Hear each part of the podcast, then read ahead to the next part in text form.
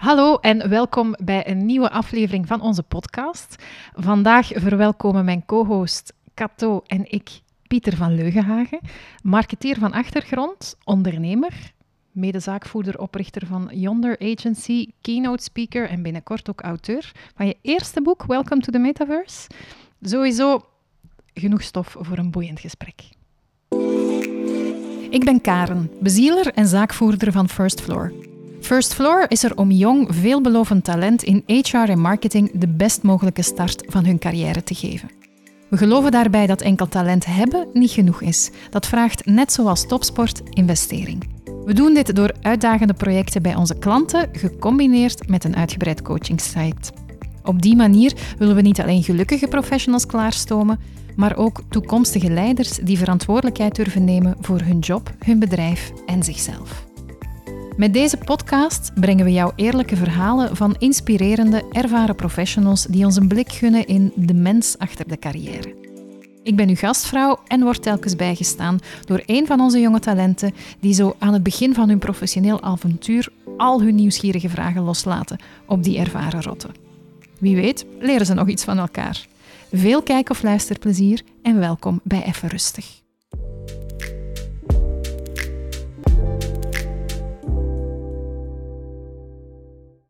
Hallo, dag Pieter.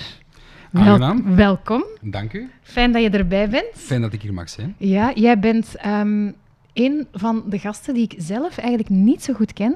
Jij bent hier eh, op aanraden en via Marnik, Marnik Dore, die we alle twee kennen. Dus ik ben eigenlijk zelf super benieuwd naar jouw verhaal. Ehm, voor wie jou nog niet kent, wie, wie is Pieter? Wel, je had al een paar zaken aangehaald, dus ik ben medeoprichter van Yonder. Mhm. Ehm, wij zijn een eh, creative technology immersive media agency, VR, AR, metaverse en digital experiences. Mhm. Ja, en daar gaan we dus ook- al heel veel over vragen, Voilà, voilà, spannend. en daarnaast ook inderdaad auteur van het eh, Welkom in de Metaverse, Mhm. het eerste Nederlandstalige boek over de Metaverse. En daarnaast ben ik een eh, 38-jarige met een mindset van een 25-jarige, Dat zijn de die ehm, zichzelf zo omschrijft als een ambassadeur van het goede leven. Ja, alles mooi samengevat. Oké, daar gaan we veel over vragen. ik, eh, ik heb ook altijd een, eh, een co-host Ja. bij. Dat is, eh dat is Cato. Dus voor u Ja. hetzelfde vraag. Hè? Voor, voor wie jou nog niet kent, wie, wie is Cato? Ja, hey, hallo, ik ben Kato, ik ben 23 jaar en eh, ik werk nu ja, al drie weken als marketingconsultant bij First Floor. Ik heb een hele grote interesse in digitale marketing en in het verhaal vertellen van sterke merken. En eh, voor all things digital denk ik dat ik bij u wel aan het juiste adres ben. Maar eh, voor de rest ben ik vooral heel benieuwd naar ja, uw verhaal achter uw carrière en hoe dat, dat voor u eigenlijk allemaal is gelopen. Want ja, bij mij is dat nu het wel het begin. Dus eh, ja, voor mij is dat allemaal heel spannend. En ik ben wel benieuwd naar, naar jouw verhaal. Ja, voilà. dus stel maar al uw vragen. Yes. Ik, ik ga er waarschijnlijk ook veel hebben, want ik, ik ben ontzettend ehm, geboeid door jouw wereld, maar ik ken er niet heel veel van. Ehm, maar om misschien even te starten bij het begin, hè, jouw loopbaan. ehm, waar is die voor u eigenlijk begonnen? Want voor, voor veel mensen ligt dat startpunt ergens anders. Wa- wa- waar begint het zo wat voor jou professioneel? Ehm, professioneel. Heel turbulent eigenlijk.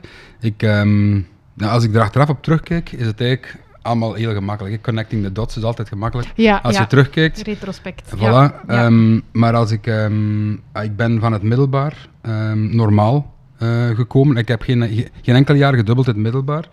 En toen was het van, ja, wat ga ik doen? Ik wou per se ook naar Gent komen studeren, terwijl Mhm. Antwerpen eigenlijk 10 kilometer is. Maar Gent was interessanter, want ja, dan kan je op kot gaan. Ja. Na heel veel zeuren uiteindelijk toch gelukt, maar ik mocht niet op kot gaan in het begin. Eh, de rest van mijn vrienden die naar Gent en vriendinnen die naar Gent gingen wel.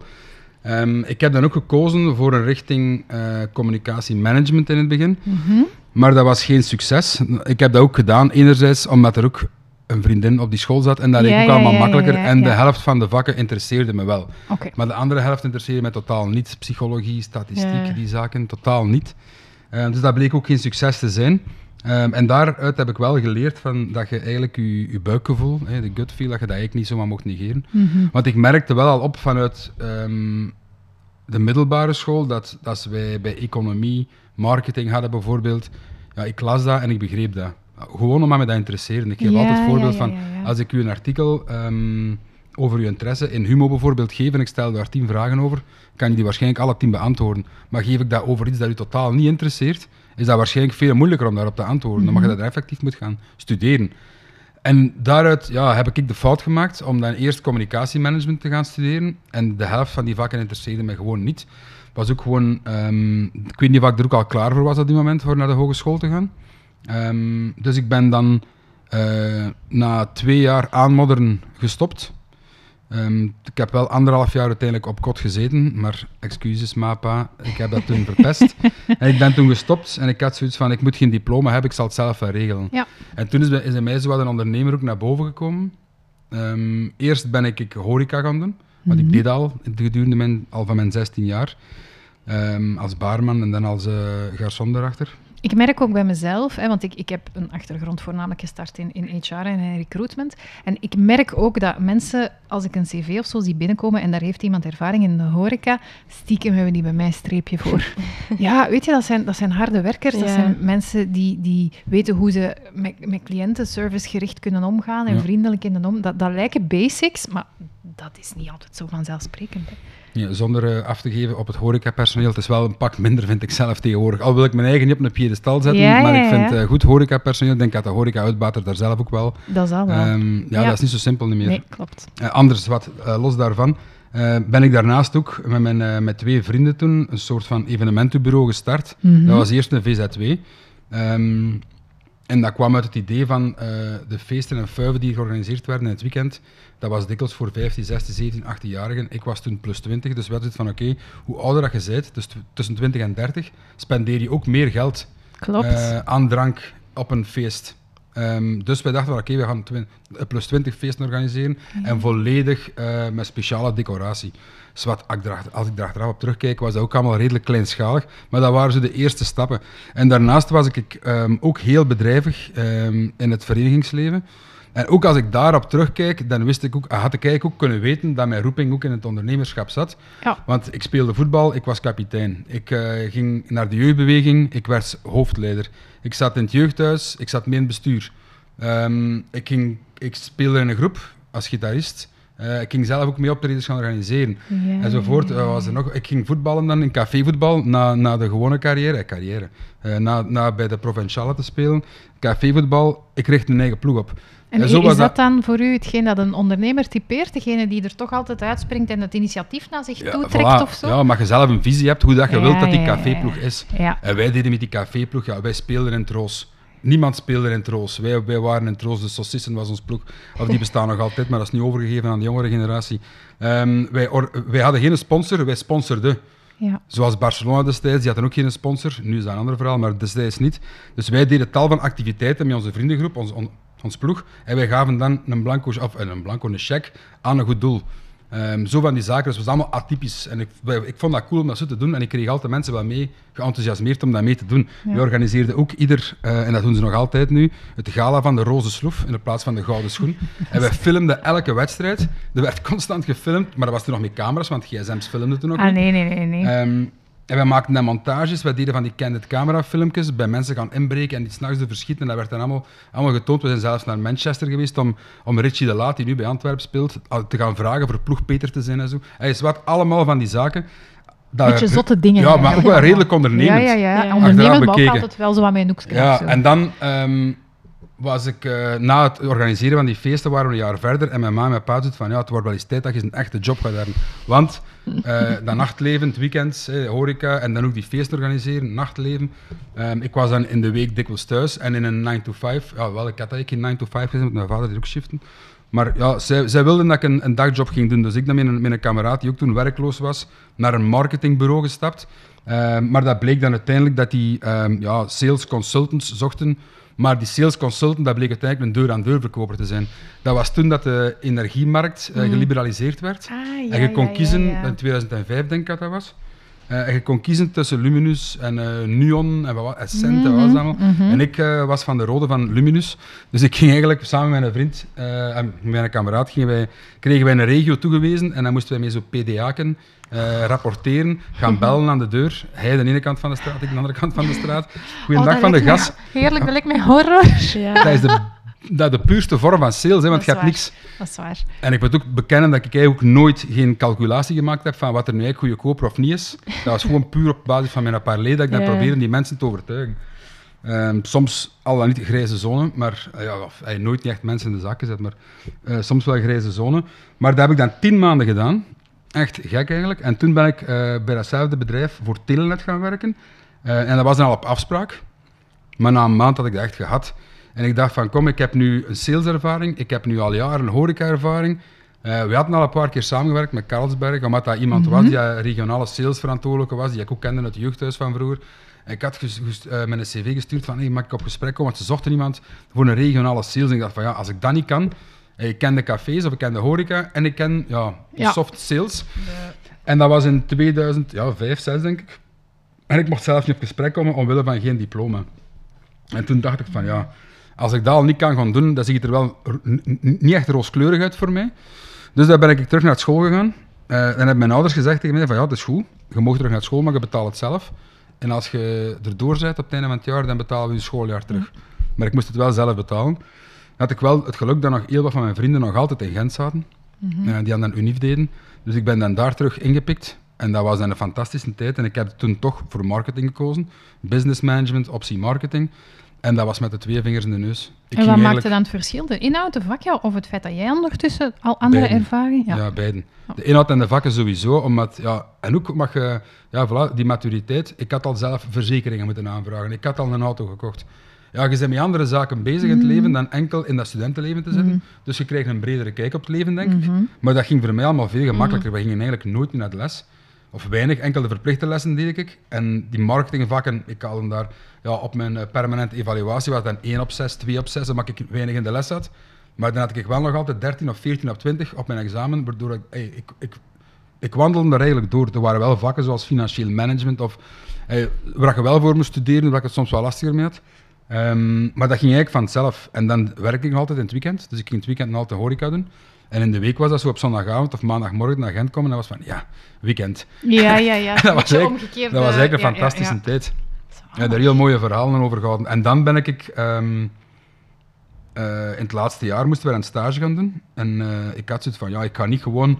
eh, ik merk dat soms ook dat mensen ons contacteren voor stageplaatsen. Mhm. Eh, die hebben dan ook in de regio van een bureau wonen. En als je Ja. dan vraagt van waarom kies je Waarom? ons? Ah ja, dat is dichtbij, dat is Mm. gemakkelijk. Dan denk ik al van ja, Nee. Laat maar. ja, voilà, Ja, inderdaad. Dat is totaal niet ambitieus. Nee. Eh, en ik had gekozen van, oké, ik gewoon puur op mijn gevoel van ehm, de media, entertainment, eh, marketing, die zaken, dat interesseert me, ja, marketing uiteraard. Dus ik ben dan bij TMF, MTV terechtgekomen. Mhm. En dat vond ik fantastisch. Ik was daar altijd te vroeg. Ik ging altijd te laat naar huis. Ik was er echt mee bezig. Ik kreeg op het einde ook een auto al mee naar huis zelfs. En zo'n smartje, want ik was verantwoordelijk... Of ja, ik mocht verantwoordelijk zijn voor die concerten die ze op eh, middelbare scholen organiseren. Stressfactor. Ik moest daar dan een TMF-stand gaan opzetten en het merk gaan vertegenwoordigen en met die artiesten ook ehm, dat begeleiden. Ja, ik vond dat fantastisch. En voor mij was dat een openbaring van ja, wauw, dit is wat ik wil doen. Eh, zij waren ook super tevreden van mij, maar dan is TMF ehm, Ja. ook verloren gegaan. Ja, ja, ja. Eh, MTV bestaat ook niet meer, denk ik. Is een Weet vorm, dat niet? Bestaat toch niet eens in dat een vorm van vroeger. Geen idee. Heb ik jij dat nog gekend, MTV? Ik heb dat nog eh, gekend, ja. maar allee, niet dat ik daar zo hard mee bezig was Nee, met MTV nee, of nee. zo. Maar ja, ik weet eigenlijk Ja, zelf ook niet of dat er nu Dat is opgegaan is. en of dat was al van Viacom en Nickelodeon Ja. leeft ja, er nog wel, denk ik. Nickelodeon, dat is juist. Ja. Maar ja, dat was dan verloren gegaan, waardoor dat ik terug eh, de arbeidsmarkt op moest en gaan zoeken naar, eh, naar een job. Maar dat was ook, ja, ik ben afgestudeerd in 2009 uiteindelijk. En dat was toen ja, de nasleep, of te midden van de financiële crisis. Mhm. Voor de marketeers was dat niet het beste nee, moment. En hetzelfde met de coronacrisis nu dan het Ah ja, is voilà. geweest. Ik eh, was ook afgestudeerd aan de hogeschool marketing en dan was het corona. Dus eh, Ja, ja, voilà. niet gemakkelijk. Alleen Nee. dan is het Nee, niet simpel om iets te vinden. Nee. Nee. Nee. Ja, en dus ben ik ehm, gaan beginnen solliciteren. Dat we zelfs met een paar vrienden die ook in de, in de sector zaten, de, de werklozenband opgericht. dat wij iedere dinsdagmorgen op café afspraken om dan alle interimkantoren in de buurt te gaan doen. Wederom om daar iets plezant van te Ah, maken. wel, ik wou het juist zeggen, maar dat vind ik Ja. dan wel zo tof om te horen, dat je zelfs daar, hè, want laat ons eerlijk zijn, Kato, ik denk niet dat heel veel mensen staan te springen voor Nee. solliciteren en dat de leukste hobby ter wereld vinden, dat je zelfs daar dan Ja. met je vrienden en bijna Voilà. een evenement of een gebeurtenis van Ah, ik maakt. werkte ook nog in dat café, dus dat, ik, ik werkte daar dan vier of vijf dagen per week. Ja, Eh, ook, ook dikwijls in het weekend. En dinsdag is dan meestal zo'n dag je dan vrij zit. ja. Dus dan spraken wij daar af om 9 uur s morgens, dronken we wat koffies en dan gingen wij gaan solliciteren. En dan kwamen wij terug en dronken we wat pinten. hè. Zo was dat uiteindelijk. En dat was dan de werklozenband. Ja, ook van iets, iets, ja, iets negatief proberen iets positiefs te maken. Hè. Om daar een positieve wending aan te geven. En dan heb ik uiteindelijk tot, van september tot april moeten zoeken achter een job die echt in mijn sector zat. Oké, ik, kon- ik kon ook eh, in de haven van Antwerpen in een magazijn gaan werken en zo. Mhm. Maar ik had zoiets van, ja, dan werk ik liever gewoon verder in het café. Dat Ja. is ook, dat is ook oké. ik ben aan het werken, ik verdien mijn geld, dat is goed. Ja. Maar dat is niet waar ik voor gestudeerd heb. Ehm, en dan uiteindelijk kreeg ik een job aangeboden bij een PR-bureau in Antwerpen. En dat Mhm. loon, dat was echt, ik denk 200 of 300 euro minder dan hetgeen dat ik verdiende als deur-aan-deurverkoper. En ik had echt zoiets van, ik had dan echt gehuild. Ik weet dat nog, we waren op reis in Zuid-Frankrijk met de familie. En ik kreeg, dat, ik kreeg dat voorstel doorgestuurd. En we zaten allemaal samen met de familie toen te eten. En ik las dat en ik begon echt gewoon te winnen van, amai. Heb ik daar dan drie Ja. jaar mijn tijd voor verspild op school om minder te Om gaan minder verdienen dan hetgeen ik ervoor had. Ja. En dan, ehm, ja, dan heb ik dat uiteindelijk vijf maanden gedaan. Van april tot september, denk ik. En toen heb ik besef van, nee. En wat moest je dan juist doen? Wat Ja, ik was eh, PR. Ehm, ja, dus, ja, manager zou ik niet durven zeggen, want ik was, ik was En wat, wat, wat hield dat juist in? Eh, wel, ik was verantwoordelijk. eh, verantwoordelijk ja, ik had klanten als Connections, eh, KLM, Bowers Wilkins, Smart Games, Free Record Shop. Mhm. Teloor gegaan. Niet dankzij mij, denk ik, maar wat. en die, organi- bijvoorbeeld Free Record Shop, die organiseerde een signeersessie met Reggie of zoiets. In Ja. die Free Record Shop. En dan moest ik daar een persbericht voor schrijven, Ja, uitsturen en iedereen nabellen. Old school PR van vroeger. Voor Connections uit hetzelfde, over promo's met, met vliegtickets en dergelijke. Ehm, op zich, ik voelde dat wel, hoe dat je dat moest doen. Want dat is een beetje nadenken in wat is een journalist, of waar is die naar op zoek? En daar een beetje over nadenken en dat bericht op die manier gaan schrijven, doordat je het, van, heeft van, ah ja, dat vind ik eigenlijk wel interessant. Eh, dus ik deed dat op zich wel graag, maar dat, ja, zo om negen uur er zijn, er moeten zijn, tot zo laat moeten werken en dan je stoel onder hun bureau schuiven en zo. Ik voelde het niet. En dan, ehm, ja, een van mijn beste vrienden dan, ook samen mee gestudeerd in Gent, die leren kennen, daar in Gent op, op ons 18 jaar, in mijn eerste periode in Gent dan. Mhm. Ehm, die had dan eh, journalistiek gedaan, ehm communicatiewetenschappen, journalistiek. Die werkte als videoproducer. En die, was, die werkte bij de regionale tv als eh, eindredacteur sport op die moment al. Ja. En die deed de club-tv van ehm, Waasland, voetbal. eh, dat was Sint-Niklaas van vroeger, dat noemden we toen Waasland. En Waasland en SK Beveren ontsploegden. Die fusioneerden. Ja. En er stond in alle kranten van, eh, wij willen alle sponsors aan elkaar linken, ehm, omdat iedereen dan beter wordt bij de ploeg. En hij, we hadden in de tijd, wij studeerden dikwijls s'nachts. En om half twee namen wij pauze tot twee uur en dan zaten we altijd te filosoferen. Ik kwam dan terug uit mijn kamerken met een, massa ideeën van, amai, ik zie daar een business opportuniteit, ik zie daar een business opportuniteit. En er altijd samen over aan het, fis- aan het filosoferen. Maar hij had toen al die way in bij die voetbalclub, omdat hij die club TV al gedaan had als freelancer. Mhm. En ik zei van ja, als we dat nu samen gaan doen eh, voor die nieuwe club. Ehm, ik heb wel, hey, ik ken een paar designers, ik ken de webdeveloper, we gooien dat, proberen dat zo wat samen te, te stellen. Ik doe de sales, proberen projecten te verkopen. En ons eerste project is die voetbalclub, Ja. is Waasland Beveren. En dan zijn we naar dat bestuur gestapt, eh, gezegd van kijk, wij starten een bedrijf, jonge gasten van, uit het Beverse. Uit Beveren. Ja. Wij willen dat logo maken, eh, wij zullen die website doen, ehm, wij zullen de Club TV gaan doen, betaalt ons daar een bepaalde fee voor. Eh, maar dat kunnen wij wel inbreken in dat sponsorbestand van de club en op die manier ons manifesteren. En sterker nog, we hebben dan ons een bureau ehm, in de skyboxen van het voetbalstadion gemaakt. We hadden twee skyboxen en op die manier hadden wij, ja, ik was toen 5, 26 jaar, gingen er boven de lift twee borstjes, Comifort. En dan liepen wij daar als 25-jarige gasten in onze skybox met vrienden die aan onze leeftijd waren, of onze ouders of familie, of wie had er mee wou komen kijken. Want ehm, kwamen die op zaterdagavond, hadden we die skybox ook. Ah, ja, dus ja, zaten we ja, ja, daar voetbal te kijken. En eten voor de wedstrijd, ja, dat, was, dat was heel plezant. Maar ja, die grotere bedrijven, de Cibel van de appelsinen en de mandarinetjes, Mhm. of de mandarijnen, eh, Van Moer, de Logistics, ook groot bedrijf. Mhm. Eh, dat waren allemaal onze klanten geworden op die moment. Omdat die zetten van, amai, dat is wel sympathiek dat die gasten dat willen doen. Ah, ja, ja, en die ja, maken die Club TV en dat is wel geestig. En die Club TV, dat was eigenlijk een verlengde van hetgeen dat we met de Saucissenbroer deden. Bij onze, we hadden ook zo dezelfde presentator met zijn blonde krullenpruik opgezet en die, die maakte dan WBTV. Eigenlijk waanzinnig, ik er allemaal op terugdenk. Maar op die manier hebben we dan ons eerste bedrijf gelanceerd. Ja. En hadden wij om een duur hadden wij twee skyboxen. Want ja, we werden groter, waren dan met acht of negen mensen. En die tweede skybox die verhuurden wij dan bij thuiswedstrijden aan een ander bedrijf. Dus wij verdienden eigenlijk nog eens Dus je verdiende dan ook... Ah, ja, Voilà. ja, ja. Dus dat, eigenlijk was Die- dat... Dus die skybox zelf heb je ook gewoon nog even gerendabiliseerd. Voilà, inderdaad. En dan ehm, ja, zijn wij in 2014. ehm, ja, we waren dan met Comifort, ons eerste bedrijf. Ik kom mee Fort, sterk in communicatie en media. Daar was over Nee, nagedacht. daar was over nagedacht. Dat was, eh, was een hele straffe naam en baseline, maar wat. Ehm, eerste, eerste onderneming. En dan in 2014, Toen eh, Facebook, nu Meta, Facebook, die Mhm. kocht Oculus over. Eh, we hadden eigenlijk in 2012 al de succesvolle Kickstarter-campagne gezien van Oculus Rift. Dat is het moedermerk van de nieuwe generatie VR-brillen. Hm. Een jonge gast, 18 jaar, Palmer Lucky noemde hij. Ehm, die, voor, die zijn prototype op Kickstarter zette voor crowdfunding. Wou 200.000 dollar halen, denk ik, en die haalde 5 miljoen op, of 2 miljoen op. Ehm, gigantisch succes. En dan in 2014 is dat overgekocht voor 2 miljard door Facebook. En dan stond het internet vol met VR, video, 360 video, virtual Ja. reality is de new Ja. big thing. Ja. En wij dachten van, ja, een bureau dat Comfort was, met branding, web en video, zo waren er duizend in een dozijn. Mhm. Dus om daarin te onderscheiden, dan is het ons kent ons. Ja, ja. En hoe meer volk dat je kent, ja, hoe meer dat je kunt verkopen waarschijnlijk wel. Mhm.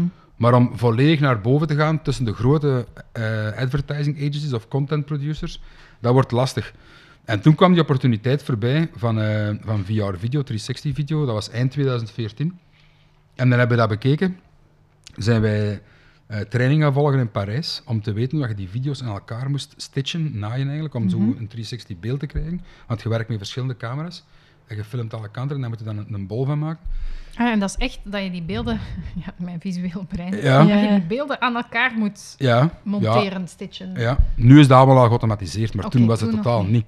Nee, nee, nu moeten de fouten er enkel uithalen. Toen moesten ze effectief aan elkaar zetten. Dus eigenlijk een vrij technische. Ja, ja, ja, gekke werk eigenlijk was dat toen. ja, ja, want Ja, ja. daar had jij dan toch geen opleiding Ik absoluut geen- niet. Maar Nee. Matthias en Dave wel. Dave die Ah, werkte ja, bij ons als creative director, Ja. of als designer ook. Maar die kwam van een bureau in Gent, waar hij op nationaal niveau werkte, echt voor A-brands. Maar die wou, dat was puur design daar. En die wou ook een beetje eh, development aan zijn zijde hebben, wetende dat ja, alles meer en meer development zou gaan worden in Mhm. 2014. Dat is acht jaar geleden nu. Ehm, en Matthias is dan ehm, is is een operational eh, guy bij ons. Ehm, head of projects. En dan Dave, ja, als creatieve, we hebben die gevraagd, wat wil jij met ons meedoen? Want wij zoeken daar misschien wel een nieuw bedrijf in te starten. Ehm, en we hebben iemand nodig, ja, ik ben de persoon die het kan uitleggen, of die het Ja. gaat verkopen. Ja. Matthias, die eh, get things done. En een Dave is de persoon dat creatief en technisch moet, ehm, Ja. moet gaan bedenken en moet gaan realiseren. Dus dan is die meegegaan naar Parijs, zijn we op die manier ja, daar die training gevolgd. Ik ben dan begin 2015 naar CES geweest. Consumer Electronics Show in Las Vegas. Dat is de grootste beurs in Amerika rond consumer technology. De nieuwe gsm's, nieuwe headphones, nieuwe Ah, ja, ja, koelkasten. Allemaal die zaken. Maar toen stond dat volledig in teken van VR. Ja. Om eens te gaan eh, voelen en proeven van oké, wat zegt dat hier in Amerika al? Want die lopen meestal wel voor op ons. Mhm. Hey, hoe groot is dat, hoe viable is dat ecosystem daar al? En dan hebben we dus een roadtrip aangekoppeld van LA, eh, Vegas naar LA, om daar te gaan spreken met een paar partijen. Want uiteindelijk, entertainment is LA. En dat is toen naar San Francisco om een tech-site eens te zien. Heel Ja, mooie ja, trip. ja, ja, oké. Heel plezante trip ook, maar business-wise interessant, want we zijn thuisgekomen en hebben gezegd van oké, we starten dat bedrijf. En zo is dat in Yonder gestart. En in het begin van Yonder was dat fantastisch, want er was geen concurrentie, om zo te zeggen. Wij waren echt in de wereld bij de eerste 30, 40, denk ik, dat er mee bezig waren. Ik, ik plak er een getal op, ik zou het niet weten, maar voor A-brands eh, in, in die tijd, dat was dat Nike belden, New Balance belden, Mercedes, Volvo, Seat, eh, Honda. Allemaal die, maar er was eigenlijk weinig of geen concurrentie. Na een half jaar, een jaar begon dat. Ja. Maar we hadden toen wel al een, een, portfolio uitgebouwd van mooie merken. Ehm, dus dat ging echt als een, als, een, als een stoomtrein. De andere bedrijf, Comfort, hadden we dan iemand voor gezocht die dat ging managen. Zodat dat Matthias en ik, en samen met Dave, vol konden gaan op, ehm, Op op Yonder. En heel, ja, ook de, de typische start-up verhalen dan, hè, van slapen op een bureau. Eh, Ik woonde op 500 meter van een bureau, dus voor mij ging dat.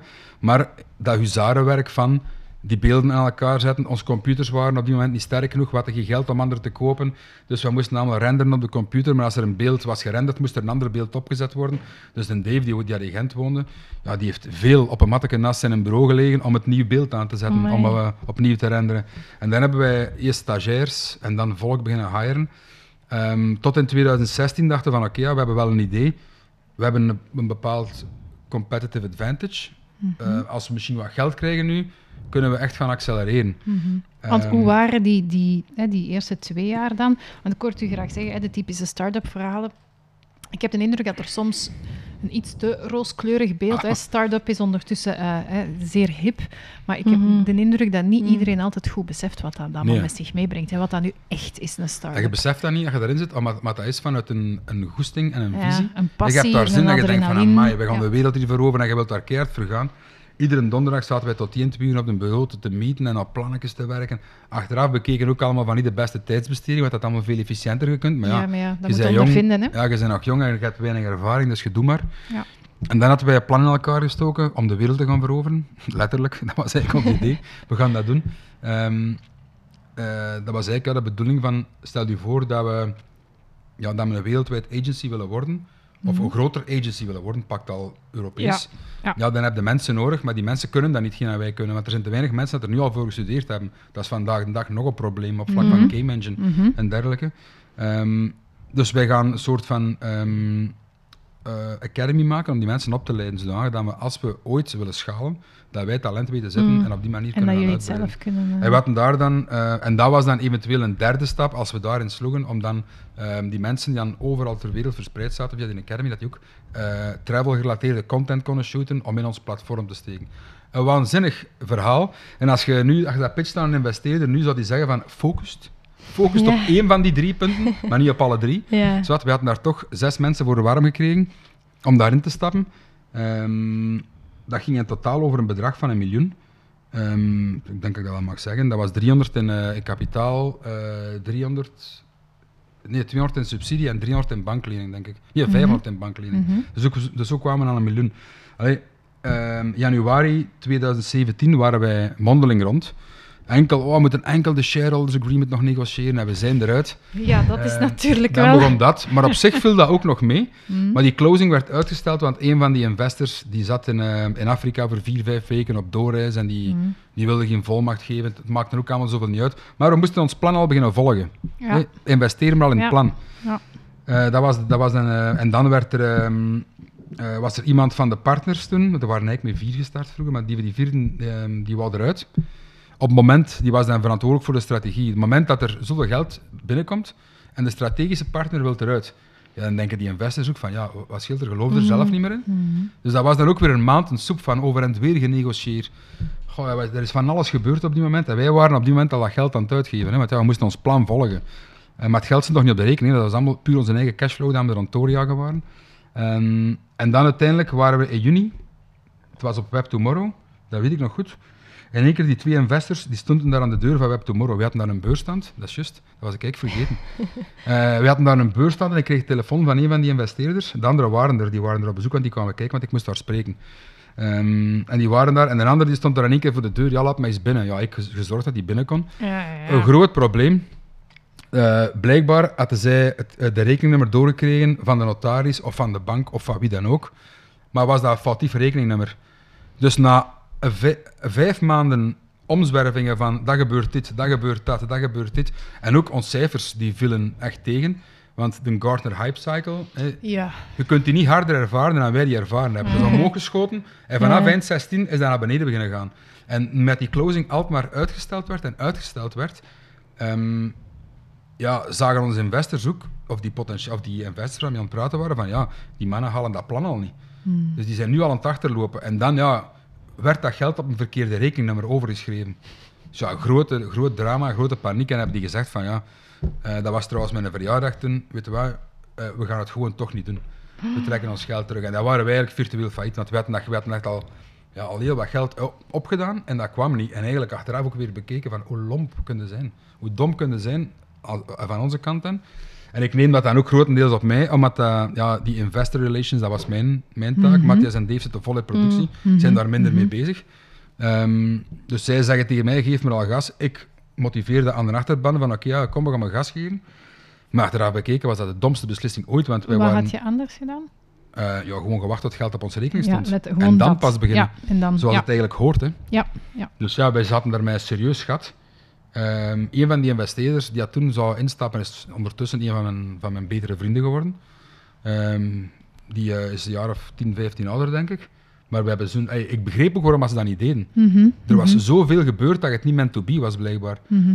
En dan het feit dat onze resultaten tegensloegen, zou ik als investeerder zijnde, of moest ik dat zijn, zou ik dezelfde beslissing genomen hebben. Want dat was echt niet goed. En er was zoveel, zoveel fout gegaan dat ik mijn handen ook zou teruggetrokken hebben. Mhm. Maar dan is er een van die andere eh, investeerders die ons dat wel een win-win lening gegeven heeft, om Mhm. ons te laten overleven. De, de, de schuldeisers die al Laten vier, die al vier keer aan het eh. rappelleren waren om een factuur te betalen. Ehm, en dat waren wij eigenlijk ja, virtueel feit. Zeg, en hoe was dat voor jou als mens? Slecht. Ja. Ja, dan, dan, dan slaapt het toch niet veel. nee, nee. Dat was echt een ramp. Oh, ja, ramp. Ehm, Want ja, hoe, hoe oud was, was je toen ongeveer? ja, begin de dertig. Ja. Ja, dat is al stevig, hè, voor, eh, op zo'n jonge leeftijd. eh, Ja, maar op zich ook wederom, vanuit dat enthousiasme, ja, de ene boekhouder zei ook tegen ons van laat het gewoon failliet gaan. Het is de moeite niet meer om ervoor te vechten. Eh, ik had dan zelf zoiets van, ja, dat staat er meer faillissement op je naam. En je gaat zo hoog van de toren liggen blazen. En dat was dan ook wel zo. Hè. Dat Ja, ook ja, altijd veel ja, tamtam ja, er komt van, ja, wij zijn jonder en wij gaan dit en dat doen. En dan moeten we gaan terugkrabben van, ja, we hebben hier een fout gemaakt. Ja. Dus ik wou dat ook ergens niet. Ehm, en dan hebben wij ja, gewoon onze moed bijeengeschraapt met die 50.000 euro. De eerste schuldeisers afbetaald van de vierde rappel. Die van de derde rappel die moesten nog even wachten Ja, tot ja, ze ja. de volgende kregen. Tot dan weer de volgende kregen. En dan hebben wij de chance gehad dat we een heel groot project voor Barry Callebaut in, ehm, in China, in Shanghai, verkocht hebben. En dat dat zo terug onze motor was voor de, terug een beetje op gang te krijgen. Maar we hebben toen, wij als founders, denk ik wij 12 maanden of 14 maanden geen loon hebben getrokken uit, de, uit de vennootschap. Ik woonde ook alleen toen, eh, of ik was ook alleen. Dus dat was, ja, dat was heel moeilijk, omdat ik had dan alle chance. Een vriend dat bij mij was komen wonen, eh, die het ook wat moeilijk had. Dus wij konden het samen wat moeilijk hebben. Mhm. en ook, ja, en ook ja, kunnen terugvallen. Ehm, en dat vind ik nog altijd super belangrijk voor mij. Gaan vrienden en familie altijd Mhm. eerst blijven gaan. Absoluut. Als, er, eh, wij, als wij gaan eten met mijn ouders ehm, en er is een zakelijke eh, partij die vraagt, gaan we iets eten of zo, dan moet dat closing time zijn of ik doe dat sowieso niet. Dat is altijd, vrienden en familie krijgen bij mij heel veel voorsprong, want op zo'n momenten waren ze in het weekend, of waren in het weekend de vrienden er niet geweest, waardoor dat je je focus volledig kunt wegnemen van dat. Ehm, Ja, Mhm. dan overleefde dat volgens, of dan, dan dat volgens mij niet. En hoe, hoe heb je dat kunnen balanceren? Want ik geef eerlijk toe dat ik dat een van de moeilijkere vind. Hè? Ehm, om, om inderdaad uw sociaal, ja, uw vrienden, familie, om daar ook voldoende tijd en ruimte voor te blijven maken. Want ik vind ze ook heel belangrijk, maar ik geef toe dat dat, dat, dat mij niet altijd lukt om die de plek te geven dat ik ze eigenlijk soms graag zou willen Ja, het verschil is wel als je een jonge gast bent van in de 30, je hebt geen vriendin en geen kinderen, dan eh, koopt al heel veel tijd. Hè. Mhm. Dus iedere vrije tijd dat je hebt, die is voor u. Je Mhm. moet die niet aan je vriendin of aan je, of aan je kinderen spenderen. Mhm. Ik zeg niet aan je kinderen en je vriendinnen niet kunnen helpen als je het Mhm. moeilijk hebt. Niet van, maar ik had dat niet, dus dat was voor mij gemakkelijk op die manier. Ehm, ja, en ik werkte ook met mijn... Hey, ehm, Matthias, een van de twee founders, is ook mijn beste vriend. Vanuit, eh, ja, vanuit ja. Gent al. Ja. Destijds, we hebben samen het eerste bedrijf, samen het tweede bedrijf. Dus dat, ja, wij hebben ook nooit geen ruzie. Die volgt mij, die volgt mij of die steunt mij in de, in de meest wilde ideeën dat ik heb. Zet mij ook dikwijls met mijn voeten terug op de grond. Maar dat werkt gewoon goed tussen ons. En dat zorgt er ook voor dat je op kantoor komt, ja, dat wij ook een sfeer hebben alsof wij onder ons vrienden zijn. Wij doen er totaal niet formeel. Wij doen gewoon tegen elkaar zoals wij zouden doen in de vriendenkring. En dat maakt het allemaal heel vertrouwd en plezant aanvoelt. En dat je ehm, ja, de miserie dan soms naast je kunt neerleggen. En ook door het feit dat dat groot project voor Barry Callebaut viel, dat was ook met een korte deadline. Ja, dan zit je direct terug Dan in die- direct terug ja, helemaal in En dan, eh, ja, ze bellen voor het geld te zeggen, Ja. sorry, het gaat nog niet. Nee. En dat is er, dat, dan moeten we maar even wachten. En dan hebben wij ehm, in maart, onze twe- 2018, hebben wij een beetje stabiel gedraaid, maar niet top. En uiteraard met een gigantisch verlies zitten. Ehm, of met een gigantische schuld zitten op die moment. Maar dan toch weer zo'n soort van investorverhaal geschreven. Ehm, en dan gezegd van, oké, ja, eh, een paar mensen uit ons netwerk, ook via de voetballen, eh, die we daar dan kennen, onze situatie. Want die vonden ook altijd fantastisch. Hè. Wij deden heel veel internationaal werk. Hè. We zaten in Amerika, we zaten in China. Eh, als jonge gasten uit Beveren, Mhm. hè, de, boer, de boerengemeente, laat het zult ons zeggen zoals het is. Ja, ons kent ons. Die vonden allemaal fantastisch. Vandaar, de jonge gasten van yonder, ze zijn weer naar Amerika geweest. Maar ja, die Dus- zagen dan natuurlijk alleen maar Ja. de Ja, mensen voilà. buitenkant. Inderdaad. Ja, die, wist- ja. die vroegen altijd aan ons van, ja, hoe is het? Hoe is het met een business? En we wat die altijd zeggen, je dan? goed, hè. Ja. Ja. Wat Ja. ga je zeggen? Hey, Ja. om het op den duur tegen mensen waar je weet van, oké, die snappen dat. Ja. En die begrijpen wat business doen in elkaar Ja. zit. Tegen Ja. een Jo van Moer bijvoorbeeld, dan, de, zaak, eh, de baas van, Ja, ja, en de oprichter van, eh, van Moer Logistics. Daar kunnen dat tegen zeggen, je want die heeft zelf ook diep zeggen, gezeten. ja. hè. Ja, Dus ze ja. kunnen dat tegen vertellen, maar iemand die het opportunistisch komt vragen van, en hoe is het ermee? Je voelt dat ook wel, welke mensen dat u, Hmm. u eh, gunnen en welke niet. Ehm, Want als het dan zo, als er een aantal tegenslagen zijn bijvoorbeeld, blijf je dan ook echt nog geloven in het verhaal? Of is dat soms wel een vraagteken dat dan komt ja, van... in het, in het verhaal, ehm, als dat we geschreven hadden in 2016, niet. Ja, Maar uiteindelijk waren er wel facetten van, hè, zoals ik zei, van focus op 1, 2 of 3, Mhm. waren er wel facetten van die ja, wel interessant Ja. waren. Eh, en dan hebben we ook gewoon heel die investor pitch, die hebben we toen laten gestript, Ja. echt met patatmesje bij wijze van spreken, alle, alle hoeken en kanten afge, afgeborsteld of gesneden en dan gezegd tegen, tegen eh, via onze bankier en wat mensen uit het netwerk van, eh, van de voetbal, ondertussen terug SK Beveren. Yes. Eh, Heel belangrijk. Heel belangrijk. Ehm hebben gezegd van oké, wij organiseren een investoravond in de plaats van te gaan pitchen overal. Daar had ik echt geen zin meer in om dat terug te gaan doen. Gezegd van oké, wij, wij organiseren een investoravond, wij zoeken zoveel en we willen tegen dan dat op onze rekening staat, bij wijze van spreken. Want Ja. dan willen wij verder. Ja. Om wederom te gaan zeggen van heel dat proces van 5, 6 tot 9 maanden, dat dat dikwijls duurt. Ja, wij waren ook geen tech-startup, een due diligence en zo van, van de software en technologie, dat moest niet. Wij waren een agency. Dus wij geloofden in hetgeen aan het doen zijn, of anders geloofden we Mm. daar niet in. En dan die mensen meegenomen op een verhaal. En dat was eigenlijk op twee maanden en een half zaten we bij de notaris. Geld op de rekening. En dan konden wij terug ehm, ademen.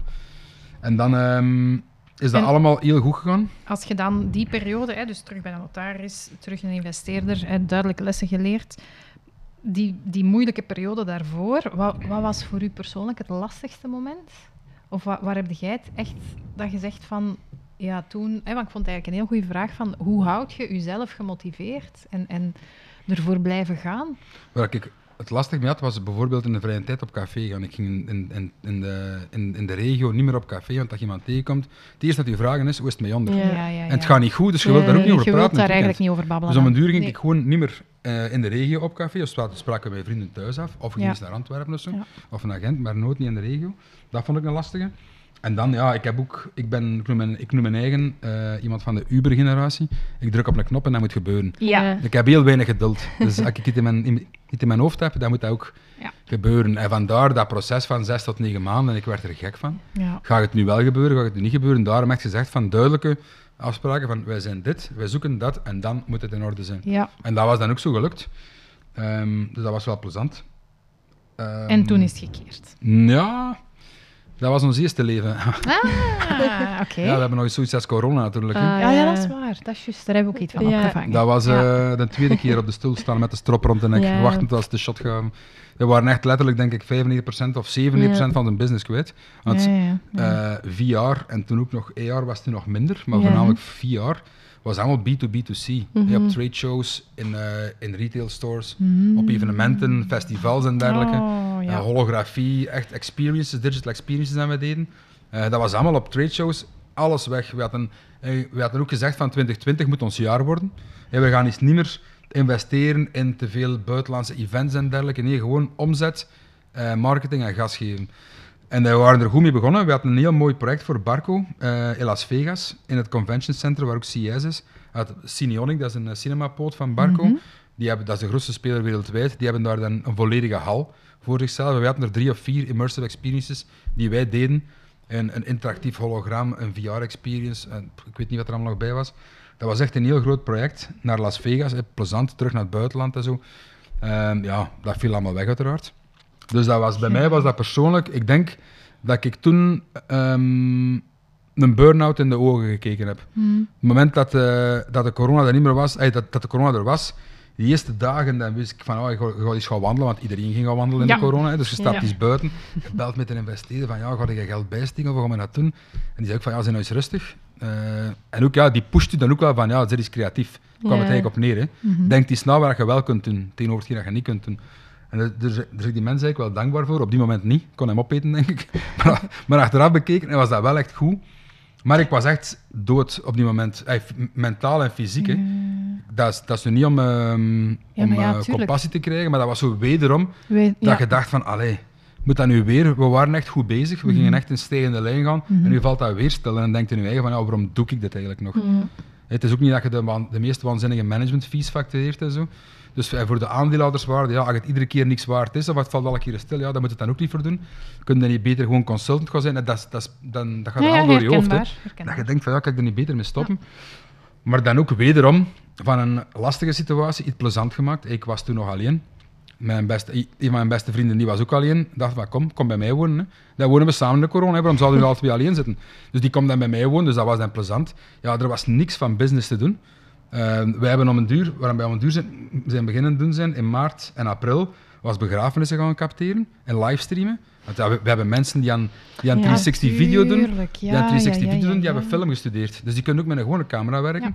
Dus zijn wij gewoon om die mensen bezig te houden en ons eigen bezig te houden, Mhm. zijn wij die gewoon, ja, om, om wat omzet te maken ook, ja, begrafenissen gaan doen. Ja, Hey, en daar was dat gaat van- naar op dat moment. dat gaat van een beurs voor. Barco in Las Vegas naar begrafenissenfilm in Beveren. Ja, het kan niet minder sexy zijn dan dat. Hè. Ja. Maar dan ook, ja, ik merkte ook aan mijn eigen, ik werd wakker 's morgens, vol goede moed, ik was twee uur aan het werken, ik was dood. Hmm. Ik moest me op de zetel gaan liggen, ik was gewoon echt kapot. Eh, en dan ook wel beseft van altijd maar, ehm, ja, ook stress. Enerzijds stress misschien voor wat eh, de waanzin dat je op tv Mm. zag van de ziekenhuizen in Spanje en Mhm. Italië, dat je dacht van, amai, dat gaat mij, mij of mijn familie toch niet overkomen. Ehm, en ook stress van het werk. Eh, wederom die druppel dat je denkt van, ja, ik, dit moet niet meer voor mij. Dus heb ik echt wel bewust afstand genomen, omdat ik voelde van mijn eigen van, als ik nu blijf doorgaan, dan ga ik tegen de muur lopen. Mm. En dan zijn er waarschijnlijk langer je effectief Maar die reflex hebben dan wel echt zelf Ja. gehad op dat moment. Ook met er met mensen over te praten. Ja. Ehm, ja, ik ben wel iemand dat heel, hoe zei je dat, outgoing. Ah Mhm. als, ik, als, ik, als ja. het niet goed gaat met mij, dan weten de mensen dat ook wel, dan zie je dat wel. Ja. Ehm, dus daar met, met veel mensen over gesproken en ook gezegd hebben van ja, het is nu een moment om gas terug te pakken. Nee, er is toch niets te doen. Nee, nee, nee. De tijdelijke werkloosheid was er voor ons personeel, anders waren wij Ja. sowieso niet overleefd wa- wa- waarschijnlijk, maar ik denk Mhm. velen niet. Heel veel niet. Heel Nee, veel niet. En dan op de nacht, eh, dan vriend, dat die vriend van mij ook niet moest gaan werken. Eh, en ik zat achter mijn bureau. En zo beginnen denken van, hey, ik zit ook al heel lang, want we zijn met Jonder van in het begin ook in het buitenland geweest. Mhm. Altijd naar verschillende internationale events, waardoor we wel een serieus netwerk hebben internationaal. En er zijn ook, Ja. ook van die WhatsApp-groepjes van gemaakt. En er was zo'n ene WhatsApp-groep over virtuele events. En die, ehm, die exploreren iedere vrijdag een ander virtueel eventplatform met heel die Mhm. groep.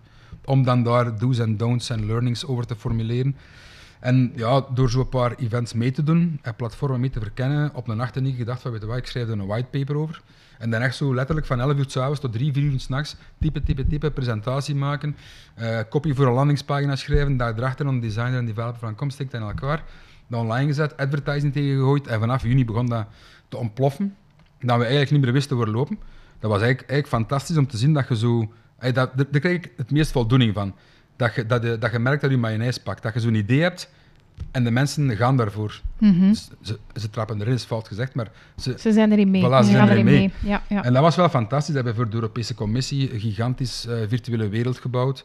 Ehm, heel veel in Amerika. We zijn begonnen met EO Belgium, Entrepreneur Organization. Dat is een Mhm. netwerkorganisatie Mhm. van ondernemers die aan minimum een miljoen euro omzet of meer draaien. Dan kunnen daarbij komen. En iemand dat erbij was, kende ik, en die, die contacteerde ons van hey, we zouden graag iets met VR willen doen. Ja, en ik dan met mijn bagage van dat WhatsApp-groepje van, eh, van de learning eh, en de VR-platformen gezegd van oké, eh, we uren 30 brillen, wij maken een wereld voor jullie en ik geef daar een presentatie aan over Ja. de state of the VR-industry. Toen was dat nog puur de VR-industrie, over metaverse was er nog geen sprake op die moment. Mhm. Maar eigenlijk waren wij er wel mee bezig, zonder dat wij dat zo noemden. Ehm, en Wat dan, dat mij wel, ehm, eh, sorry dat ik u even onderbreek, maar wat dat mij wel opvalt, is. Het leven is niet simpel, maar af en toe werk ik graag zo wat met simplifi- simplificaties, omdat dat dingen duidelijk maakt. Maar je, hebt, je kunt een tegenslag hebben, je kunt, dat kan van alles zijn, groot, klein, maar je hebt, simpel gezegd, je hebt twee soorten mensen. Hè. Je hebt mensen die dan hun schouders laten hangen en bij wijze van spreken in een hoekje kruipen en nog net niet beginnen wenen, ook al mag dat ook zeker. Maar je hebt ook mensen die op een gegeven moment door een tegenslag op een of andere manier daar ergens energie uithalen. Eh, Zelfs een soort van verbetenheid van ze gaan mij hier niet hebben. En, en zo'n drive om er dan juist precies zo eens extra hard tegenaan te gaan. Ja. En dat vind ik wel heel mooi om te zien of te horen in uw verhaal elke keer dat, hè, want je hebt toch wel wat tegenslagen gehad, dat je op een of andere manier ja, duidelijk tot die tweede categorie behoort. En inderdaad, nog meer dan dat, niet alleen er een drive uithalen en een whitepaper s'nachts begint te schrijven, maar er zelfs iets plezant van wilt maken. Is nu een werkloze bond. Tot, en dat, vrijgezellenbond, ja, maar dat, dat vind ik ontzettend mooi om te zien. En vooral, ik denk echt, Pieter, dat is weinig mensen gegeven. Ja, Besef, hebben- je, besef je dat? Ik weet dat niet, maar bij ons in de vriendenkring is dat zo. Er gebeurt iets, er is iets negatief. Like als die corona, ik kan me dat niet inbeelden dat dat een slechte tijd was. 2020, die zomer was voor mij een van de betere zomers uit mijn leven. Ja, We hebben zoveel plezier gemaakt op andere manieren. Dat mag niet, oké, dan gaan we wel naar daar. Maar dat is toch een, dat is toch niet, dan een, doen we dat wel. Dat is toch een attitude ook? Ja, positief proberen zijn En van waar zaken. komt die bij u, denk je? Van waar heb je dat van thuis uit meegekregen? Of, dat niet Ehm, Van waar komt die? Elkaar gewoon gek maken, denk ik, met de vrienden ook. Is het vooral de vrienden? Heb je ook nog broers of zussen? Ja. Of, eh, en hebben die dat ook? Of, of ben jij daar anders in? Of? Ehm, Ik ben er wel iets anders in, denk ik. Mijn jongere broer is, wat, is dat, die is meer van, het is altijd mijn, het is altijd, ja, het, het gebeurt altijd bij mij. Ah ja, ja. Oudere oké, broer is ja, daar iets nuchterder in, denk ik. Ja, en, Maar ja. ja. ja, ik weet het niet. Ja. Dat is zo elkaar opstoken en is maken. En dan beginnen denken van, oké, ja, maar nu is dat gaan doen. En echt de meest waanzinnige dingen die dat je voor corona zouden denken van, allee, wat denkt u nu aan we dat gaan doen? Geen denken aan, hè. En dan tijdens corona ga je dat gewoon doen en het de tijd van je leven. Ja. Zo van, ja, nozel, ja, ik kan niet echt direct een voorbeeld geven, maar we hebben echt fantastische dingen gedaan. Ik, heb er, ja, ik kan me niet herinneren dat dat een slechte tijd was. Buiten die eerste maand en half, dat dat met een business slecht ging. Mhm. Want dan is het natuurlijk ook met een business heel goed beginnen gaan. Mm. Ja. En dat was dat, ja, dat was, dan is alles in het leven gewoon aangenamer. Hè? ja, uiteraard. Dat Je je hebt- dan heb je vijf dagen aan de week al geen Je zorgen moet maken. gemoedsrust, hè. Ja, je hebt alleen andere problemen zijn, je hebt geen mensen dan op die manier. Op die manier. nee, dus dat dat, komt daar probleem bij. Maar ja, zwart, als het dan maar is, hè. Dat kun je oplossen, dus liever dat. Maar dan, ehm, ja, dat is, zo hebben wij in Amerika, dus via die IO, die hebben dat gedeeld in een WhatsApp-groepjes en, ehm, bij alle chapters over de hele wereld. En dan begonnen ze te bellen uit LA, LA North. En dan die ondernemers van LA, in dat, die, dat waren ook ondernemers, Mhm. voor hun eigen bedrijf. Eh NDR's-feest in VR. En dan naar Seattle, New York, Ontario, Vancouver, allemaal die verschillende steden. Die wilden allemaal een VR-event. En het verschil met in België, hier huren ze de brillen, daar kochten ze Daar die gewoon. kopen ze ze, 100, ja. 150, 80, 90. Ja. En, en wij bouwden dan die wereld, we hebben die mensen nooit niet gezien. Ik weet nog, ik werd, ik werd geopereerd aan mijn knie, eh 14 of 12 januari eh 2021. Eh, dat is dagkliniek tegenwoordig, hè. gewoon een Mhm. kijkoperatie. En ik moest s'avonds, uit s'nachts eigenlijk, eh, virtueel optreden, eigenlijk, ja, een eh, presentatie geven in Seattle. Dus lag ik in de, in de zetel met mijn benen omhoog, met een ijszak erop. Ehm mijn vriend dat toen bij mij woonde, en die kameraad van mij, die woonde toen bij mij, mij mee naar beneden geholpen met mijn krukken, om me dan in de zetel te zetten, met een bril op te zetten, de verlengkabel erin, maar dat kon wel eens lang duren. Dus zien dat ik niet zonder batterij viel. En dan een presentatie geven in de zetel, echt, ja, zo van die... Zotte dingen Ja, weer. echt plezant. Weer eigenlijk Ja. zot en plezant. Wat ik plezant. vooral ook onthoud, allee, eruit meeneem voor mezelf, hè, is ja, toch wel twee belangrijke aspecten. Dat is enerzijds u duidelijk door de juiste mensen laten omringen. Mm. Uw context, de juiste mensen die u aanvoelen, die het beste in u naar boven halen. Oké, het is een cliché, maar het, het is wel zo. En anderzijds ook wel netwerk. Eh, uw netwerk, hè, want ik hoor je over die chapters en die groepen en die contacten. En dus, dus dat netwerk, dat je denk ik voor een heel groot Mm. stuk voedt door uw eigen enthousiasme. Mogelijks, ja. Ik, er- ik, ik ervaar mijn eigen zelf. Ik, ik, ik zie niet hoe jullie, na- hoe jullie dat zien, hè. Maar Je ik, hebt eh, door dat je een vrij enthousiast persoon bent. Ja, Ja. ik weet het, ja. dat, Ja. ja, dat mogen we nu wel Dat zeggen. Ja, misschien wel, ja. Ja. Maar ik, we hebben gewoon heel hard geïnvesteerd ook in netwerk. Heel veel van die eh, buitenlandse evenementen. Ik ben ook drie of vier jaar op de Web Summit geweest. Eh, ik weet dat nog goed. In het begin, de mannen van Teamleader, ja, of de jongens, of de mensen van het team, de jongens, de mannen, de, het Ja. bedrijf Teamleader, Ja, ik wil ja, niet voor ja, mannen of vrouwen ja, spreken. ja, ja. Bedrijf Teamleader, die waren toen, denk ik, hun eerste kapitaalronde. En nu, zie nu, het is verkocht. Dus met Jeroen bijvoorbeeld, dat was dat de eerste, de eerste websummit. Michiel van Officient, die was toen nog Mhm. werkende bij, teamleader. Ja, daar waren we allemaal al bij. Dus je hebt allemaal die, allemaal die bedrijven zien groeien en zien ja, ook wel Ja, sneller ja. zien groeien dan hetgeen wij aan het doen zijn. Maar Zeg, we zijn een andere Hoe is dat maar- eigenlijk voor u om, om zo'n verhalen te horen? Dat is wel hoopvol of zo. Ja. Als je het soms eens een keer niet weet of, of je merkt toch van oei, dit, dit is toch niet mijn ding, dat, dat je dan toch misschien naar iets anders kunt zoeken of dat Mm. het eigenlijk altijd wel, in, allee, wel dat- goed komt dat en vind al- ik echt het soms- aanvoelen gewoon. Denk En ik, dat je het zelfs plezant kunt maken. Ja, Ja, ja, inderdaad. voilà. Het leven is echt te En- kort om, niet, ja, om niet plezier te hebben. Hè? En ja, tegenslagen zullen er altijd wel zijn, denk Mm. ik ook. Dus, eh, want het is heel, eh, je kunt heel snel in paniek geraken als er zo eens een keer iets niet gaat, hoe dat je het in je hoofd had. Dus eh alleen dan vind ik dat ook wel ook een heel mooi verhaal van inderdaad gewoon, gaat er gewoon Mhm. voor en inderdaad hoofd omhoog en eh, ja, Ja. niet de schouders Ja, laten wat ik soms probeer te doen, is mijn eigen buiten de situatie zetten. Ja. Als derde Ja. persoon eens kijken van, Ja. hoe zou ik nu reageren, moest dat nu met twee vrienden gebeuren? Of met Mhm. Een vriend en zijn werkgever, of weet ik veel wat. En dan eens langs als derde kijken. En dan, maar dat is ook niet altijd gemakkelijk om dan te Nee, doen wat dat je ja. ziet. Hè, want soms is dat tegen je goesting dat je iets, iets dat moet gaan Ah, ja, doen. ja, ja. En dat. Maar je ziet dat wel, als je eerlijk, als je in de spiegel durft kijken, dat je kunt je fouten toegeven, of je weet van, oké, ja, Mhm. eigenlijk moet ik dat niet doen. Of dat je je buikgevoel voelt van, Mhm. nee, eigenlijk voelt dat niet aan, maar Dat je wilt dat wel doen, maar het, eigenlijk klopt het niet. Dat heb ik in het verleden wel te veel gedaan. En vandaar ook van, eh, never ignore your gut feeling. Ja, inderdaad. Dat is echt het is niet altijd genoeg hè, om op basis Ja. van je buikgevoel een beslissing te pakken. Nee, nee, nee, nee maar, Maar het je moet helpt het wel mee in de weegschaal Ja, leggen. Hè? Uw ervaring zorgt ervoor dat je een buikgevoel Ja. hebt. Hè. Ja, ja, En dat je dan voelt van, nee, dat is het niet. Nee. Dat moet dat eigenlijk niet doen. En ik betrap mijn eigen op dat ik echt nog met mijn eigen soms van die engel en die duivel, hè, van doe het wel, doe het wel, doe het niet, doe het niet. En dat je zo clasht hè, onder, eh, in je eigen. Zeg je nu? Nu, ehm, ja, we hebben... ehm 2020 was dus denk ik een topjaar voor ons. We hebben een waanzinnig goed jaar gehad. Ehm, onze allereerste keer winstgevend en één keer mooi winstgevend. Het jaar erachter was... ehm 2021 was wat minder, maar uiteindelijk nog wel goed geëindigd.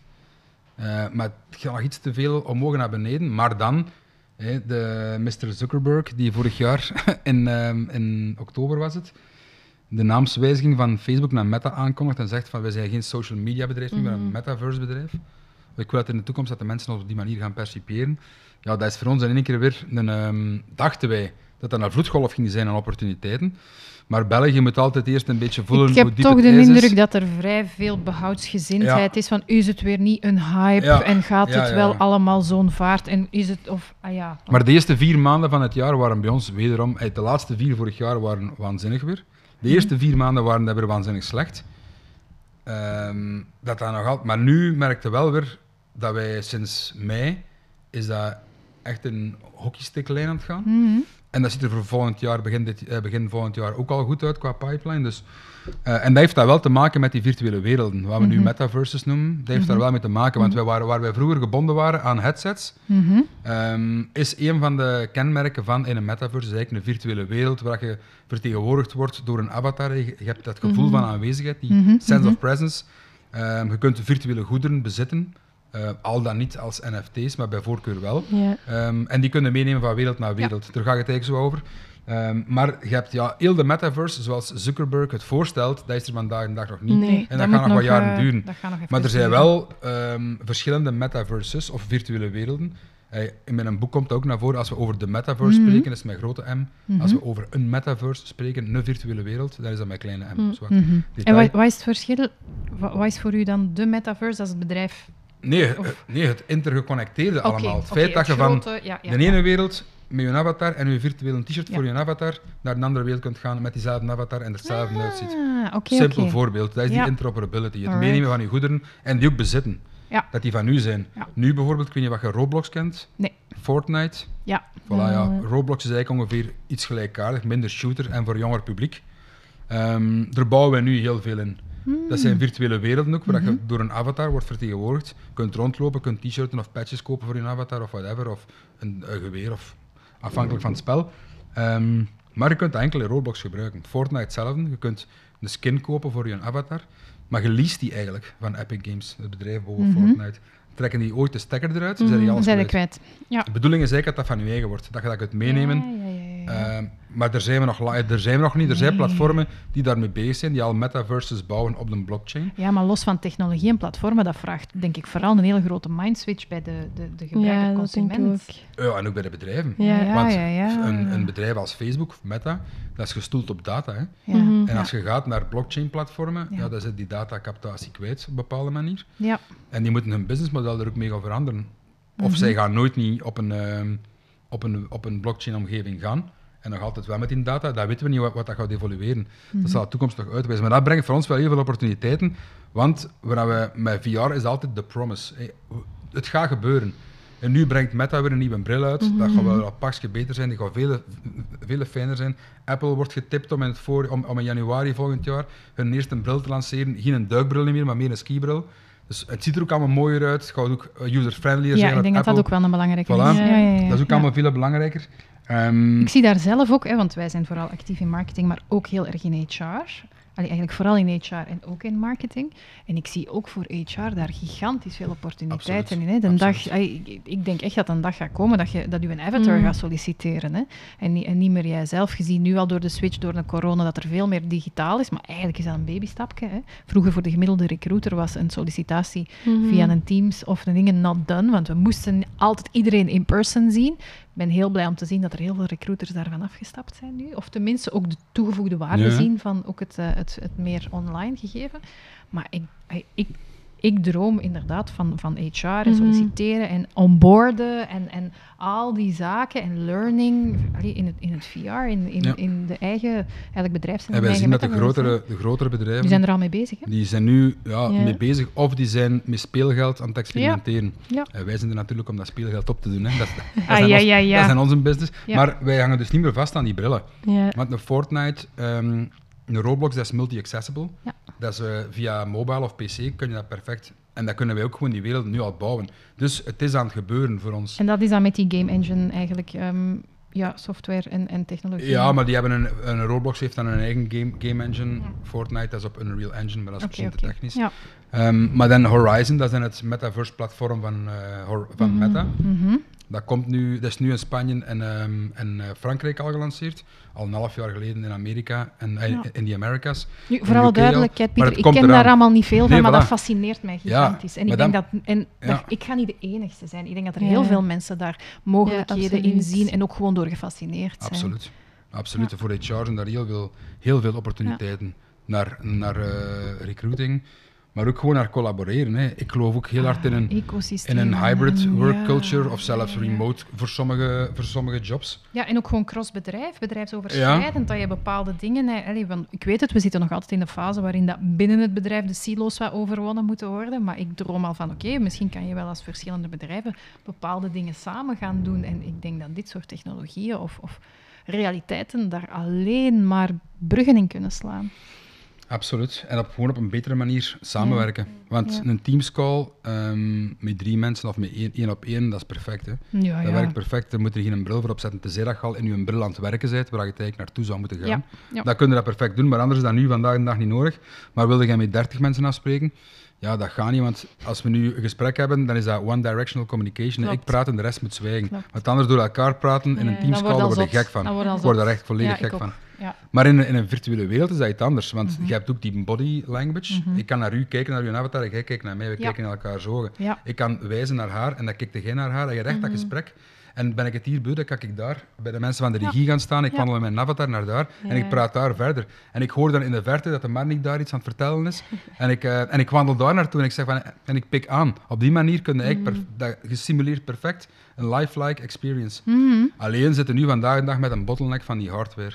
Maar dat is iets dat gewoon een kwestie Maar ja, van dat tijd gaat is. wel volgen. Tuurlijk, dat is een Ik kwestie denk, van tijd. ik denk echt in dat soort zaken, als je de grote trends en, en allee, hypes ziet die uiteindelijk Mhm. realiteit of verankerd zijn geworden, die technologie, dat volgt altijd wel. Het is een mindset van de mensen dat moet komen. Ja. En Die moet mee. En, En, dan ik ben de rest benieuwd wanneer komt. dat het ingeburgerd gaat zijn bij de bedrijven. Dat is Ja, de gemiddelde Vlaming is natuurlijk niet de meest vooruitstrevende. Ehm, ah, ik weet, je mocht niet veralgemenen. En onze kracht zit altijd ook een stukje natuurlijk in wie dat we zijn en in uw behoudsgezindheid. Maar langs de andere kant, ja, ik denk niet dat Vlaanderen daar de voorloper in gaat zijn. Maar net daarom vind ik het zo knap wat jullie doen. Mhm. Ja, dank u. Uit Beveren, of all places. Ah ja. de Brooklyn of Antwerp, Ja, zeg waar alle hipsters wonen. Zalig. De overkant van het water, hè. Ja. Zo de, de rivier in New York en zo de overkant, hè, Bever, daar wonen ze de Ah, voilà, hipsters. over het water, hè. Ja, die van over het water. Absoluut niet waar. Het is eigenlijk eerder het New Jersey van Eh, Antwerpen. Met alle industrie. ja. Ja, maar ja, wat. In het buitenland, Beveren, dat kennen ze meestal niet. In Duitsland kunnen we nog naar Jean-Marie Paf refereren, maar in, eh, in Ja, nog juist. het ja, buitenland kennen ze niet. Ja.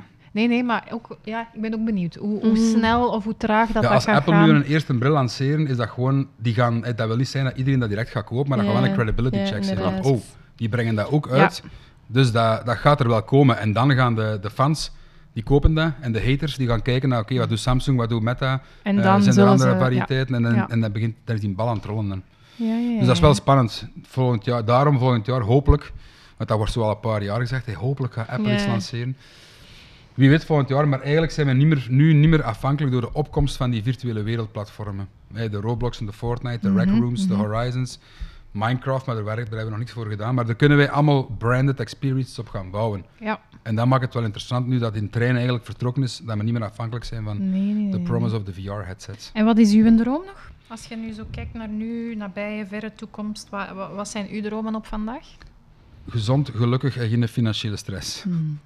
Ja, de basics En ik moet, niet, ik moet niet rijk zijn. Ik heb niet eh, de Porsche of de Rolexen of de villa's overal en zo. Dat gewoon kunnen doen waar ik zin in heb. Mhm. Met de mensen die ik graag zie rondom mij. Mm. En dan ook gewoon doen wat ik graag doe, want ik heb echt een hekel aan iets dat ik niet graag doe. Ja. Ik weet niet wat dat bij andere mensen zit, maar ik heb er echt ja. moeilijk mee. Alles wat ik niet graag doe, dat probeer ik altijd uit te besteden Ja. aan iemand anders. Omdat ik heb van, ik probeer echt gewoon het maximale, het leven, hè, we leven, we leven tijd kunnen niet kopen. Hè.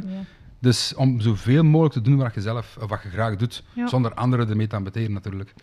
Maar dat vind ik wel eh, een belangrijke. En, professioneel gezien wil ik gewoon graag impact willen maken met Jonder. Mhm. Ook liefst buiten de landsgrenzen, zo Nederland of eh, zo wat de buurlanden, Amerika of zo, dat moet niet voor mij per se. Ehm, maar gewoon zoals kunnen zeggen van oké, in Europa staan wij er wel als immersive media agency speler in VR, AR en die metaverse world- worlds. Dat zou ik wel graag willen doen. En dat is ook dat ik graag willen doen, dat is ook gewoon ons objectief. Ja. Daar zijn we nu mee bezig. Wij hebben natuurlijk niet simpel met de juiste mensen te vinden. Mhm. Want alles wat een game, game engine is, dat is ja, gegeerd wild. Mhm. En dat is niet zo simpel ehm, om die mensen te vinden. Dus als ooit die, de, eh, de hockeystick komt, zoals bij de mobile apps, in 2019, 11 hè, met de Mhm. komst van een app store, ja, dan gaan wij moeten kunnen groeien op mensen, want anders kunnen we niet groeien. Hè. Je, zit in, je zit in een people business. Dus dat is wel de grootste challenge die wij eh business-wise hebben, denk ik. En verder, ja.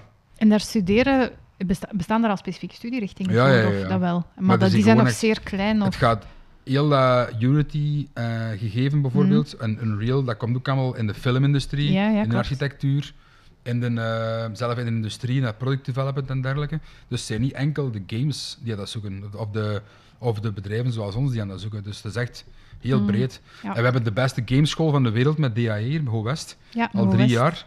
Maar die mensen die worden heel veel van de schoolbanken geplukt, Mhm. ehm al voor het schooljaar gedaan is. En die gaan dan naar de buitenlandse game studios. Ja, dat, en dan, ja... Ook begrijpelijk. de- ja, Mm. voilà, dat, dat klinkt...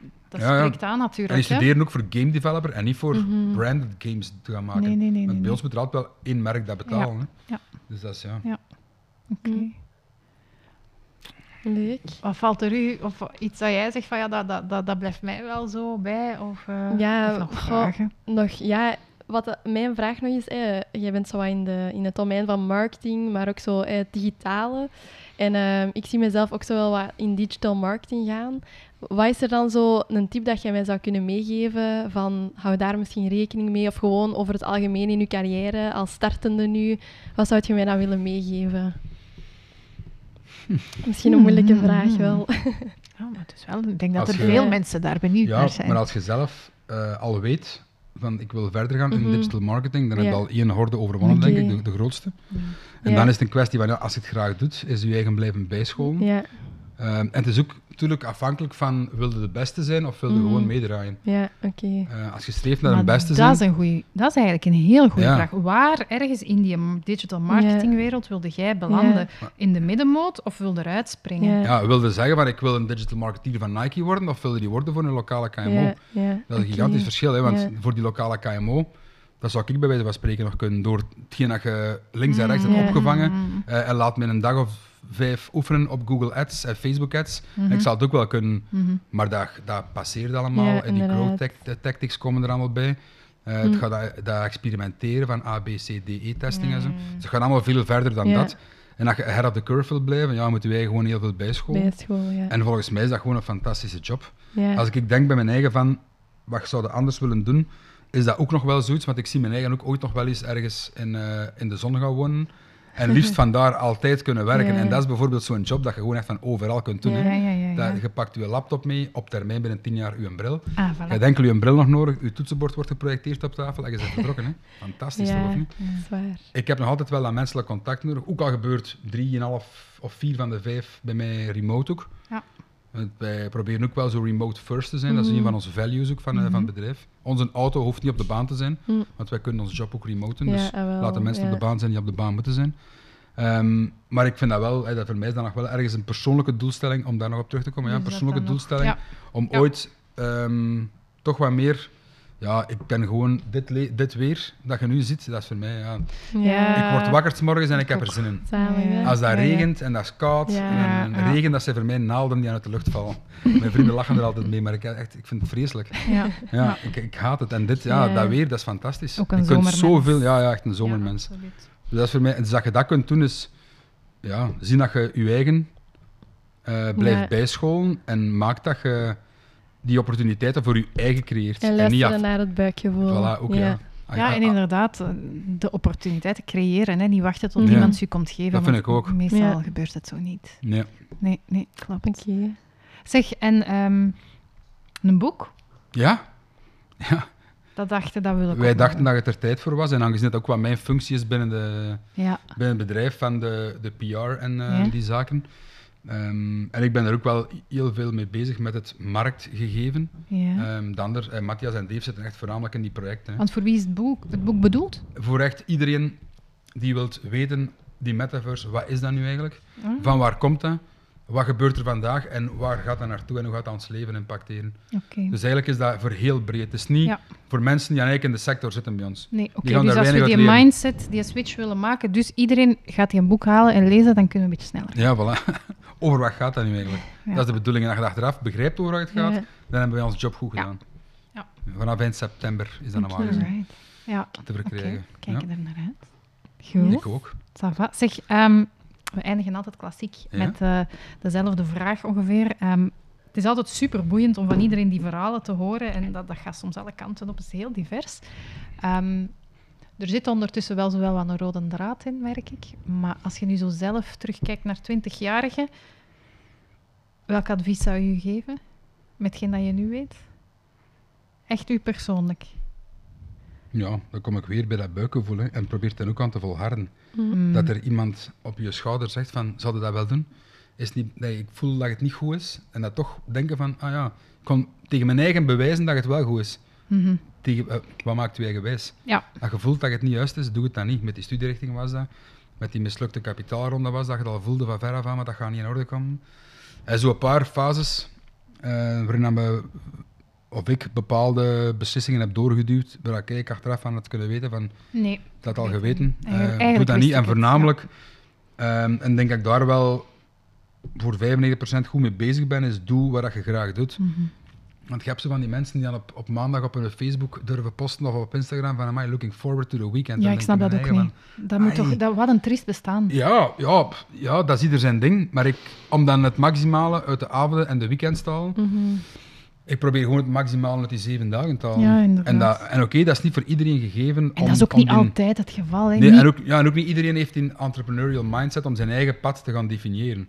Maar je hebt wel de Nee, mogelijkheid om te zeggen van, Ja. ik vind dat niet leuk, ik ga nu dat proberen. Ja, je moet, niet, je moet niet ondernemer zijn om je eigen pad te kunnen bepalen. Hè. Je kunt ook keuzes maken die gewoon waar. voor u Je kloppen. kunt je eigen eh reskillen, dat ja, je ook doen. absoluut. Ja. Zeg, en omgekeerd, wat zou 20-jarige Pieter, hoe zou die kijken naar waar dat je nu bent? Hoe zou die Ehm, naar u kijken? Ja, ik was er gisteren met mijn vriendin nog over bezig en ik zei van, ik zou niet terug 20 jaar willen zijn. Ik zou terug 35 willen zijn. Zo drie jaar jonger. Dat zou ik ideaal vinden, maar terug 20 niet meer, want Nee, er nee, is, ik ook niet. het is te hobbelig. Hm. Er, je, je moet veel te veel water doorzwemmen. En ehm, ja, ik ben eigenlijk wel blij en denk dat wij met Jonder best fier mogen zijn met waar we bezig, met waar we bezig zijn. Ehm, ons, ons, onze, onze boek is nog altijd niet geschreven, nog lang niet, denk ik. Ik denk dat we nog een lange weg te gaan hebben. Eh, of er is nog heel veel potentieel in om dat veel groter te maken en dat gewoon ook, eh, ja, om er nog, nog meer van te maken. Dan moet er om niet vertalen in miljoenen van geld of zo, maar gewoon om er nog iets meer van te maken, sowieso. Dus ik denk dat, dat we op zich wel best fier mogen zijn dat we daar zijn. En het meeste fier ben ik nog, nog wel op dat coronamoment, dat we eigenlijk de tweede Mhm. keer op sterven na dood waren en dat we er dan toch als bedrijf voor gezorgd hebben, ook met al de mensen die bij ons werken, hè, want die kon ook gezegd hebben van Ah, eh, ja, ik ben technisch werkloos, laat me maar doen. Ja, Iedereen was direct gemotiveerd van kom, we vliegen We erin. En we hebben eigenlijk dat schip 180 graden gekeerd. En dat is ja, een super druk ehm, tweede jaarhelft geweest voor ons. En met de, met de nodige resultaten. ja, ja. ja. Dus ik Mooi. dat we daar echt wel fier op mogen Ja, zijn. terecht, absoluut. Ik denk dat je daar heel trots op mocht zijn. Nee, ik vond eh, wederom een zeer, eh, zeer inspirerend Ik verhaal. ook. Ik, ik onthoud vooral, ehm, ja, oké, de tegenslagen daar het beste van maken, dat, we, dat is een cliché, maar vooral maak het zelfs gewoon plezant. Ja, ja, ja. Dat is echt mijn takeaway. Maak het Mhm. zelfs Ja. gewoon plezant, zo plezant mogelijk. Ehm, Onnozel doen. Jezelf niet te veel serieus nemen. nee, nee. Dat doe ik echt, nee, eh, niet te veel. eens. Ja, Als ja, dat moet, dan moet dat. Ehm, en dat is ook te zien wie dat je over je hebt. Uiteraard. Maar ehm te Ja. formeel, dat zal ik weinig doen. Dat zit ook niet in mijn aard. Nee, Daar kom ik te gemaakt over, denk ik. ja. ik denk bij ons allee, dat wij ook niet echt de meest formele... Nee, eh, helemaal niet. ja, nu durft ze natuurlijk niet anders. maar we doen daar toch ook ons best Ja. voor. Vooral dat stukje kun je zelf niet te serieus nemen. Je altijd je job mogen serieus nemen, maar jezelf misschien niet. altijd. Mhm. Ehm, Dat is voor niks nodig. en bij Ja. u, wat is er bij u? Ja, eigenlijk een beetje hetzelfde. Hè. Het buikgevoel dat al naar voren Ja. is gekomen. En vooral inderdaad hè, het maximale uit de zeven dagen halen.